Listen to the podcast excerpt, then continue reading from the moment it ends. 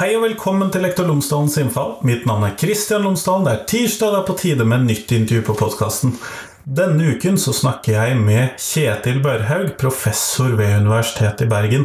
Vi snakker sammen om eh, demokrati, om medborgerskap og om fagfornyelsen. Og vi prøver å se hvordan vi skal tenke rundt dette begrepet i samfunnsfagene med de nye læreplanene. Hvordan vi kanskje ikke skal gjøre det. Hvorfor er dette et problem? Er, hvilke negative sider kan det være ved dette? Hva bør vi se opp for? Så jeg håper at du blir fornøyd ved å høre om det. I hvert fall, her er intervjuet. Vær så god.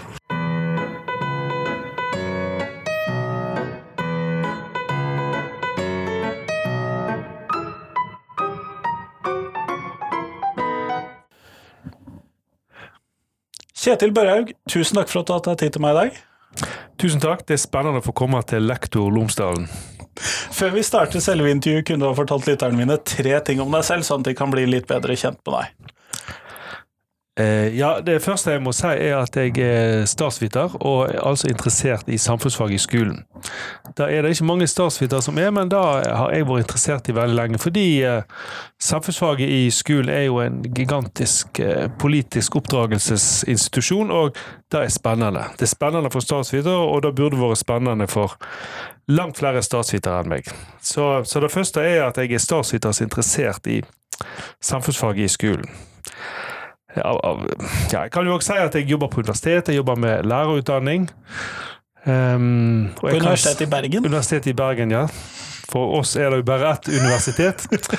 og så kan jeg jo legge til at jeg har selvsagt mange sånne nerdete ting jeg driver på med, i tillegg til å være statsviter og lærerutdanner. Jeg, jeg er veldig opptatt av nynorsk og eh, er medlem i Norges Mållag og underviser alltid på nynorsk. Jeg interessert i argentinsk tango, som ofte blir en del styr omkring. Så jeg har mange sånne nerdete sider òg, men det er kanskje statsvitenskapen og samfunnsfaget vi skal snakke om nå. Og det er det vi skal snakke om. Eh, og nå har vi jo sett eh, ganske nylig at vi har fått de endelige, eller rimelig endelige utkastene til det som skal bli de nye læreplanene i norsk skole. Eh, og der så har jo det kommet inn demokrati og medborgerskap og den type temaer har kommet inn som et tverrfaglig tema. Hva tenker du rundt det? Det er veldig mye å si om de nye, de nye planene, så det, det, er vanskelig å vite hvilken ende en skal begynne i. Men Vi starter i en positiv ende, kanskje? Det positive er jo at, um, og da tenker jeg særlig på samfunnsfaget, og særlig på det obligatoriske samfunnsfaget, det er jo at en har forsøkt å eh, stramme det opp, en har forsøkt å få det til å henge sammen, en har forsøkt å få det til å bli ett fag. Det er jo et stort og spenstig sprang. Det er mye jeg kan si om det, men eh, det er et, det er et dristig forsøk, da. Ja, for Samfunnsfaget har jo hatt litt det samme som KRLE-faget. Det har vært litt sånn oppsamling av sånne nødvendigheter inni det. Veldig, og veldig sprikende. Og så har historie hatt sin del, og geografi hatt sin del, og samfunnskunnskap har hatt sin del. Og så har det vært veldig eh, løst kobla, litt tilfeldig hva som har vært med. Så, så det er et forsøk nå på det obligatoriske samfunnsfaget å stramme det opp, da. Eh, og Det er mye som har gått gale der, og mye som har gått bra. Det som har gått bra, er jo at eh, demokrati framstår som en hovedsak. Og det er jo for oss som er opptatt av, av samfunnsfaget som politisk sosialisering, så er det veldig spennende. Det er veldig, veldig interessant hva det vil føre til. Og denne tanken om at eh, dette skal da være et ansvar for alle fag, det er Altså På den ene sida er det veldig spennende, fordi eh, alle fag kan helt åpenbart, i hvert fall nesten alle fag, kan helt åpenbart bidra til, til noe inn i demokratiopplæringen. På den andre sida er det òg en fare for um, Eller det er to farer. Den ene faren er jo at når alle skal gjøre det, så er det ingen som tar det så veldig alvorlig. Det er den ene faren. Den andre faren, som kanskje er litt mer um, kinkig, er at uh, når du får sånne buzzwords, sånne ting som nå skal alt handle om, f.eks. demokrati, så er det lett for at da får du en, en glidning at alle vil prøve å legitimere seg sjøl ved å si at dette er jo egentlig demokrati. Og det kan føre til at plutselig så blir alt demokrati.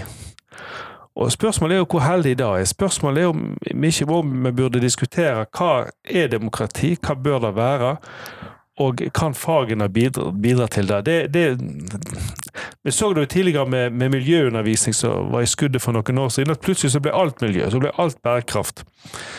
Fordi alle fag skal legitimere ting som egentlig kanskje er litt på sida, men skal du legitimere så må du hekte deg på sånne ting. Så det er òg en fare for at uh, det fører til litt utglidning, da. For sånne ord som alle skal eie og alle skal elske, de, de eh, har lett for å miste begynnelse og slutt. Og det har jo vært et problem før òg, at, at, eh, denne demokratiopplæringen, den, det er litt uklart hva som egentlig er det sentrale i den. Mm. Men du omtaler samfunnsfaget som et eh, demokratisk eller politisk oppdragelsesfag. Hva mener du med den måten å formulere det på? Ja, da det, det, det, er jo forskjellige ord en bruker. Sant? En, av og til så bruker en ordet politisk sosialisering. og Det er et, det er et ord som mange ikke liker, fordi det, det har en veldig sånn ovenfra og ned-karakter. Ensretting, kanskje? Noen vil si det, ja. Eh, det kommer litt an på hvordan du forstår sosialisering, men det har et eller annet litt sånn uh, ovenfra og ned ved seg. Så det er noen som bruker ordet danning, som, som en da liker bedre, fordi det signaliserer mer at eh, dette skal skje i, eh, i, respekt for elevene, det skal skje med vekt på deres subjektivitet og deres eh, kritiske tenkning. Og Noen bruker ord oppdragelse, som jo òg egentlig har en litt sånn overfra og ned-karakter eh, ved seg. Oppseding på nynorsk høres faktisk mye bedre ut. Det er et mye, mer, mye rausere begrep som jeg har likt mye bedre å bruke. Men det er, det er ingen ord som er helt gode her. Demokratiopplæring kan du nå bruke. På engelsk bruker en democratic eller political education, som kanskje er det aller beste. Men, men tanken er jo at det må, det må, være en prosess som både formidler noe til elevene, men som samtidig tar de på alvor, og ikke, ikke gir de til bare mottakere av, av, vår kunnskap. Og det er et veldig vanskelig dilemma. der, altså. Hvordan skal du ivareta begge deler? Og Det gjelder jo for så vidt all utdanning, men altså forholdet mellom dette formidlende 'slik er det', 'dette bør du gjøre', 'dette er viktig', og 'dette er bra', og men hva syns du? Hva er kritiske innspill vi kan ha? Det er en veldig vanskelig avveining, og det er av de store problemene med hele, med hele prosessen. altså. Hvordan skal vi avveie det der? Og jeg tror vel at kanskje i de politikkopplæring, demokratiopplæring, så blir det kanskje litt mer legitimering og ovenfra og ned enn det vi kanskje liker å tenke på. Ja, eh, mange har jo beskyldt eh, demokratiopplæringen i skolen for å være relativt udemokratisk. Altså at det handler mer om også da, som du sier, at man skal gi denne enveisinformasjonen, og så skal elevene eh, sitte igjen uten å praktisere, men sitte igjen med den riktige mm. holdningen eller praksisen, eller, men mm. uten å få praktisere det. Ja, altså da der om de skal praktisere det, da berører jo et, et annet spørsmål, da.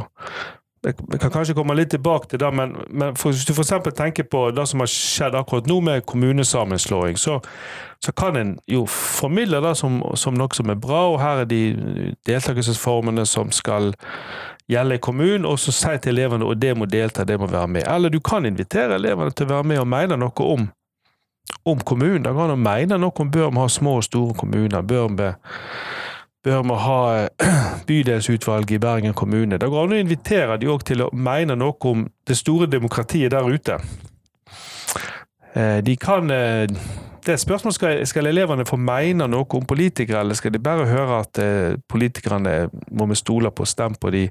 Skal lærerne slå ned på alt som minner om politikerforakt? Så, så, det er veldig fundamentale spørsmål der. Men det andre du sier, det er om, om en bare skal lære om demokrati, eller om, om en også skal få praktisere, det er jo en litt annen eh, dimensjon. Um, og um, eh, Altså, du kan tenke deg at det skiljer mellom å lære om noe eller å lære gjennom å praktisere noe, det er et spørsmål om metodikk. Det er to måter å undervise på. Ja. Og hvis du tenker sånn om det, og det syns jeg en kan gjøre, så kan du eh, undervise på begge måter, uansett om du holder på med demokrati på den enkelte skole, om du holder på med demokratisk deltakelse i kommunen, i organisasjonsliv, på nasjonalt nivå, i store bevegelser. I begge tilfeller kan du undervise sånn at eh, elevene sjøl blir deltakere i det de holder på med, eller du bare forteller om det. Det kan du òg gjøre med skoledemokratiet. Um, det, er ikke, det, er ikke, slik at uh, å legge vekt på demokrati på skolen, da blir uten videre praktisering av demokrati, mens å lære om det store demokratiet der ute, da blir det nødvendigvis å lære om demokrati. Skilje å lære om og lære gjennom, da gjelder på alle nivå. Men det, er et veldig, det har spredd seg en, en, veldig uheldig skilje der, mellom en sånn, der en tror at skal du lære gjennom praksis, så kan du bare det på skolen. Og Det er uheldig av to grunner. Det ene er at det er like viktig å lære gjennom praksis om demokratiet ute i samfunnet. Det andre er at hvis du skal lære demokrati gjennom praksis på skolen, så, så lærer du et demokrati der elevene egentlig er underordna. Og det er det, det virkelig uheldige med det der skillet der om at en kan lære demokrati gjennom praksis på skolen. Fordi eh, skolen er jo ikke en demokratisk institusjon på samme måte som Samfunnet er. Nei. Nei, for rektor og lærerne vil jo alltid ha mer å si, i hvert fall i de fleste tenkelige modeller, mer mm. å si enn mm. elevene. Sånn er det jo. Det betyr ikke at det ikke er viktig at vi skal eh, elevene få, her, og de må lære seg å samarbeide, og de må lære seg respekt for hverandre og sånn, men å si at, eh, at den nokså regisserte demokratiformen som du har på en skole, at det er demokrati, og nå har du erfart demokrati i alle andre sammenhenger, det er det syns jeg er villedende, for det er ikke sant. Men hvis vi da tar oss og ser på demokratiopplæringen i skolen, så har jo den da den har i hvert fall, som du snakket om, at har blitt eh, begrepet har blitt eh, trukket veldig fram, og det kan kanskje ha blitt et buzzord eller motord, eller hva vi nå skal kalle det. Eh, og det kan ha en konsekvens av at man at ingen tar det ansvaret fullt ut, fordi at det, det er blitt spredd på alle sammen. Men hvis vi da skal se på eh, demokratiopplæringen i samfunnsfagen? Er det noen sånne særskilte temaer som du tenker at vi i hvert fall bør ha med når vi skal eh, lære elevene om demokrati, eller praktisere demokrati med dem? Uavhengig av om vi velger den ene eller den andre metodikken. ja. Jeg tror nesten jeg vil si at eh, eh for veldig mange elever, ikke alle, men for veldig mange elever og ungdommer, så den største hva skal vi si, nøden deres, eller smerten deres, eller eh, det som virkelig er vanskelig for dem, er jo å forholde seg til det politiske livet på nasjonalt nivå. For ikke å snakke om på internasjonalt nivå. Og Da møter du sikkert i, klasse, i klassene dine altså elevene sin opplevelse av forvirring og avmakt i møte med med politiske institusjoner på nasjonalt og internasjonalt nivå. Ja, det er mye de ikke forstår. Det er mye de ikke forstår, og det er en veldig vond følelse av avmakt og forvirring som oppstår da. Og eh, hvis det er noe samfunnsfaget burde bidra med, så er det å gi elevene et, et såpass grep om det der at de ikke opplever den totale forvirringen og avmakten. Eh, og akkurat da er det faktisk ingen andre fag som kan gjøre. I det der med å, å, lære seg til å ta stilling til kontroversielle saker, det kan gjøre i mange fag. Det kan gjøre religion i norsk òg. Det kan gjøre i mange fag. Å lære seg å diskutere, argumentere, kildebruk, alt dette der, det kan gjøre i norsk, engelsk, mange fag. Men akkurat det der, å bygge ei bru fra den enkelte elev til de politiske institusjonene som, eh, som forvalter politisk makt, det er det vel egentlig bare samfunnsfaget som kan gjøre. Så institusjonskunnskap, da? På. Nei, nei, nei sant? Det, er jo det, som er så grusomt, sant? At dette forfell til Dere lytterne burde sett ansiktsuttrykket til Kjetil. Men Hvis det forfell til sånn komitéstrukturen i Stortinget og saksgangen for å vedta en lov, så dør det jo helt, sant? Det gjør jeg òg, bare jeg innrømmer. det er jo sånn, er, så utfordringen er jo å bygge ei bru fra elevene og ut av liksom det, det nære og inn til de større politiske sammenhengene. Og, og her har nok eh, det norske samfunnsfaget og samfunnskunnskapen eh, gjort en veldig varierende jobb. Det må vi bare innrømme. Det er mye formalisme, mye sånne eh, detaljer om strukturen i Stortinget, mye sånn nitide studier av partiprogram, som jo er tungt. Det er jo veldig få av oss vanlige velgere som leser partiprogram. Hvorfor skal elevene gjøre det? Det er en tung, tung måte å gå inn i det der på. Og eh, vi har, eh, Noe av det viktigste for fagdidaktikken må være å utvikle flere og bedre måter å, å bygge veier fra elevene og inn i eh, det politiske livet på. Og kanskje den En vei som ofte blir pekt på av mange, er jo at du må, du må gå veien via saker. Du må gå veien via politiske saker som betyr noe. Finne de sakene som trigger elevene. Ja, og da har vi jo, har vi jo vært ute og studert. Vi har jo gjort, uh, gjort noen prosjekt om dette, der vi har intervjua elever. og De sakene de er interessert i, er jo kanskje ikke det du først tenker på. Nei. De kan være interessert i helt andre ting. De kan være veldig interessert i fant med ut i, men gjorde en liten uh, intervjuundersøkelse med elever i videregående skole hva de, var, hva de syntes var engasjerende i samfunnskunnskap. Og det var ikke EU og Nato og, og forholdet mellom arbeid og kapital og sånne ting. Det var det var sånne ting som eh, tvangsgifte, omskjæring og, og eh, noen grad kanskje, kanskje, klima, men veldig sånne nære ting som gikk på de sjøl. Gikk på den individuelle, individuelle rettigheter, frihet. Eh, det er lett å si at dette er veldig sånn, litt sånn navlebeskuende, men eh, alle sånne saker som handler om det flerkulturelle samfunnet, om, om samlivsformer og sånne ting, kan du jo knytte opp til en større politisk og sosial sammenheng. Så de kan trigge et engasjement? Da. Ja, hvis du bygger det opp sånn, altså. Det, det er vanskelig, da. altså. Men, men um, og det kan òg hende at du kan introdusere dem for saker som de er interessert i, som de kanskje ikke trodde, knytta til klima, knytta til uh, handelskrig med Kina. Det er jo mange ting som, som, skjer i verden som jo elever hører om, og som de er interessert i. Er ikke, jeg tror ikke de er bare opptatt av seg sjøl. Men um, det er i hvert fall en alternativ tilnærming til komitéstrukturen i Stortinget å studere saker og studere prosesser. Hvem er aktørene her, hva slags interesse har de, hva slags maktmiddel kan de bruke, hva slags spilleregler finnes da? Og prøve å jobbe med, med politikk mer via, via, saker, heller enn eh, formelle institusjoner. For, da, for de formelle institusjonene de står stille, i hvert fall på kort sikt gjør de det. Mens prosesser, der er det bevegelse, der er det maktkamp, og der, der skjer det noe. Eh, du nevnte jo Solveig Måldrem på Raftosenteret, der hun har vært. Der har de jobba med noe som heter Finn engasjementet ditt. Så Finn saker som engasjerer deg, og det er et godt utgangspunkt. Hvis en da tar de ut ifra bare hva synes du, hva er dine følelser om det, og mer diskuterer hvem andre er det som mener noe om dette? Hvis du er opptatt av dyrevelferd, er det noen andre som er opptatt av det? Hva slags organisasjoner finnes? Hva slags eh, offentlige forvaltningsorgan finnes? Er det noe som heter Mattilsynet? Hva gjør de? Altså, du, må, du må gå inn der og se hvem er det som gjør noe med dette. Og så kan en møte, møte real life politics via sånne saker som en syns er viktige. Så påvirkningskanaler og politikk og saker mer enn institusjoner, da? Ja. Men det er lett å si. Det er selvfølgelig veldig lett å si, og det er veldig vanskelig å gjøre. Fordi, fordi eh, å jobbe med saker det er ikke så lett å putte inn i i, i timeplanen to, to, timer i uka og sånt. Så, så, så, det mange problemer der. Veldig mange problemer.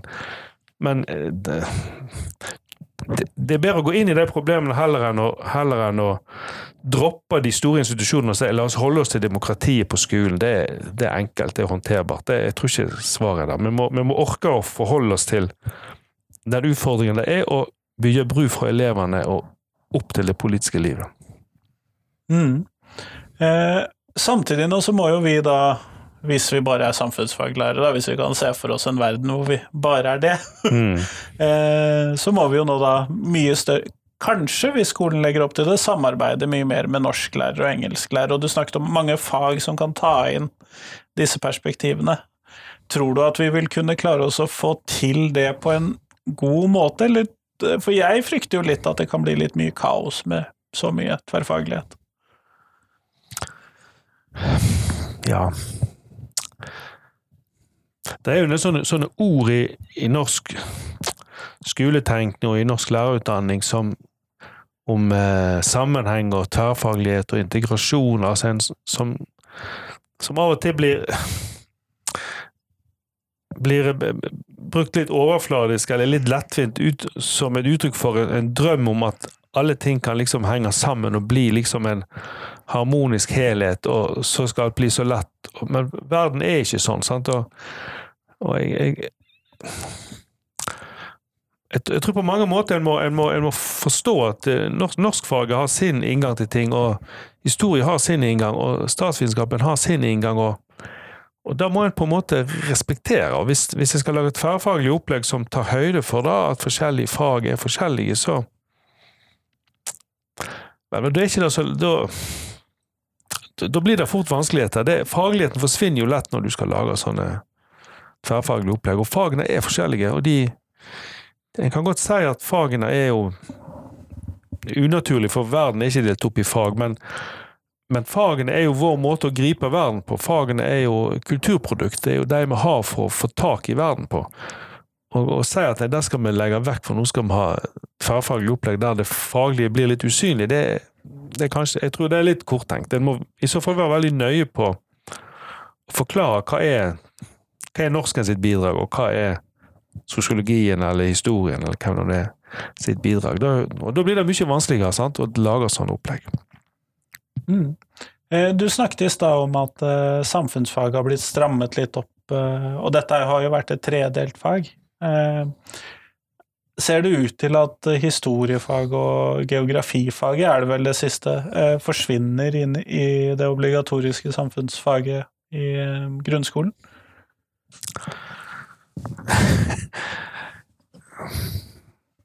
Ja, så, eh, så, Som det ligger i spørsmålet ditt, så er det jo sånn at på videregående så er jo fag Der er det oppdelt. Der, der, der er det, vil jo oppdelingen fortsette. Så jeg slipper geografi i år. Jeg er ja. glad for. ja. Men på, på, eh, lenger ned så er det jo da altså, sånn som du sier, sånn at den, den klare tredelingen vi har hatt nå helt i en god del år, den er nå oppheva, og så er det da altså ført inn noen um, faglige kjerneelement. Og hvordan, Om en skal lese det slik at eh, historiegeografi nå er dytta i bakgrunnen eller ikke, da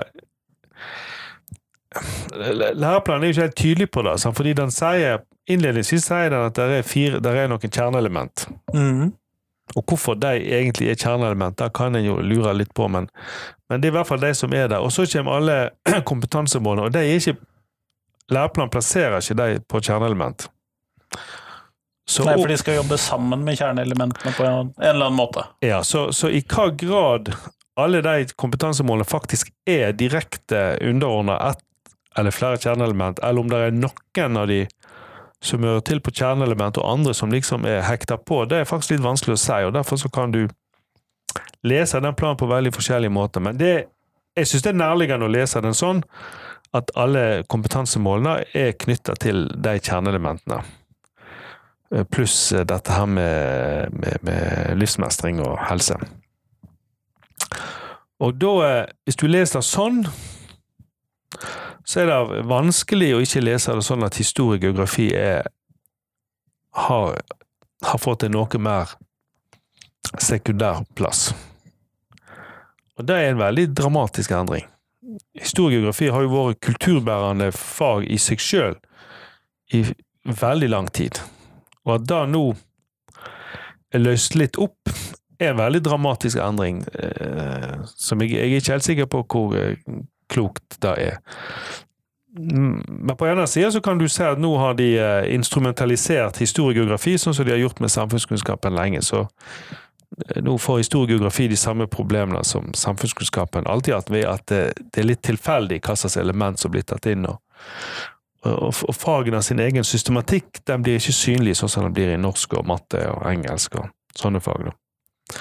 Så det Jeg er veldig tvetydig til det de har gjort, men jeg, jeg, ser jo da at det de har vunnet med det der, det er jo at de har lagd et fag som er integrert på det, en måte det gamle faget ikke var. Da, da ser jeg jo, altså. Det er litt større helhet? Ja, det er det er vel på en måte da, ja.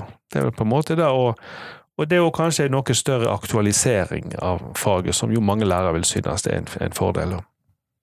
Men um, historiegeografi er, jo det er, jo, det er jo helt fundamentale referanserammer i kulturen vår. Og, og, og, og ikke ha respekt for det, Vel, jeg kan si det kommer jo igjen på videregående skole, da. At det, du, det blir desto viktigere at disse fagene som, som felles referanserammer blir, blir, blir, tydelige på videregående. Da, men, det, men, der er det jo samtidig bare studiespesialiserende ja. elever som får. Ja. ja, det er akkurat det. Det, er akkurat det. det syns jo jeg også er litt vanskelig med en av mine andre hjertefag, som da er religionsfaget. Så syns mm. jeg jo det er vanskelig. At mm. det havner liksom eh, bare for de studiespesialiserende elevene. Mm. Men det er jo en annen det er en lignende, men en annen debatt. Det kan du si, men det peker òg i retning av sånn som i Sverige. Der har de jo knytta religion opp mot eh, samfunnsfag, geografi og historie i skolen. At der er jo dette har blitt én stor ting, da, der en mener religion må ses i sammenheng med samfunn og historie. Og sånn kunne man jo også lese Ludvigsen-utvalget, at mm. man så for seg i Norge. Mm. Et sånn kultur- og etikk-type eh, stor, storfag. Ja, kunne den ikke det? jeg mener at det sto rett ut, men jeg er litt shaky på hukommelsen. Nei, ja. Uh, det er klart, det kommer an på Hvis en hadde slått oss sammen, hvis en samtidig hadde Hvis en hadde beholdt timetallet, så kunne det blitt spennende, men det hadde en sannsynligvis ikke gjort. Hvis de hadde slått oss sammen, så hadde de, er det stor fare for at da hadde de redusert timetallet litt. Det ramlet veldig mange timer bort i naturfag og matte og ja, og engelsk og norsk. Mm, ja. Kunne man sett for seg, det er helt klart. Eh, vi går mot slutten av eh, podkasten, og da lurer jeg rett og slett på eh, mitt faste spørsmål. Eh, hvis du skulle ta noe ut av norsk skole, hva ville du ta ut? Det er et veldig vanskelig spørsmål, men jeg, eh, jeg nevnte for deg at vi har hatt et sånt prosjekt der vi har, har prøvd å, å, å, å ut og intervjue elever. og Det er fordi vi var interessert i elever sin motivasjon for samfunnsfag. Og Det henger igjen sammen med at når du har jobba med lærerutdanning lenge, sånn som jeg har gjort, så du, er du inne i veldig masse klasserom, og du ser veldig godt, ikke minst på videregående skole, hvor veldig eh, skiftende motivasjon for, for teorifagene er. Så det, det, er veldig vanskelig når du har øh, vært mye rundt i norske klasserom og ikke måtte innse at det er blitt veldig mye teori i, i den norske skolen særlig på ungdomsskolen og på, på videregående skole, så eh, antageligvis så, så, så, burde da Teorielementene burde vært tatt noe ned, og det burde vært større rom for praktisk-estetiske valgfag. Det, det, er veldig lett å se at det er mange elever som lir, lir under altfor mye, alt for mye teori. Men skulle, om det er noen en skulle tatt ut da, for å rydde plass til det, der, jeg, jeg, tror nok kanskje heller at en, en, noen flere fag burde vært burde vært, valgfag. Men det er klart, da kommer du veldig fort inn på, på Du kommer veldig fort til at eh, de, elevene da vil velge vekk eh, betingelser for, for, studiekvalifisering veldig eh, tidlig i løpet, sånn som de gjør i andre land. og Det er jo Det har jo sine problematiske sider. Det har sine problem da òg, ja. Det har jo det. Mm. Men det, det, det, er for mye teori. Det er jeg nokså sikker på. Kjempeflott. Tusen takk for at du tok deg tid til meg i dag. Takk for at jeg fikk komme.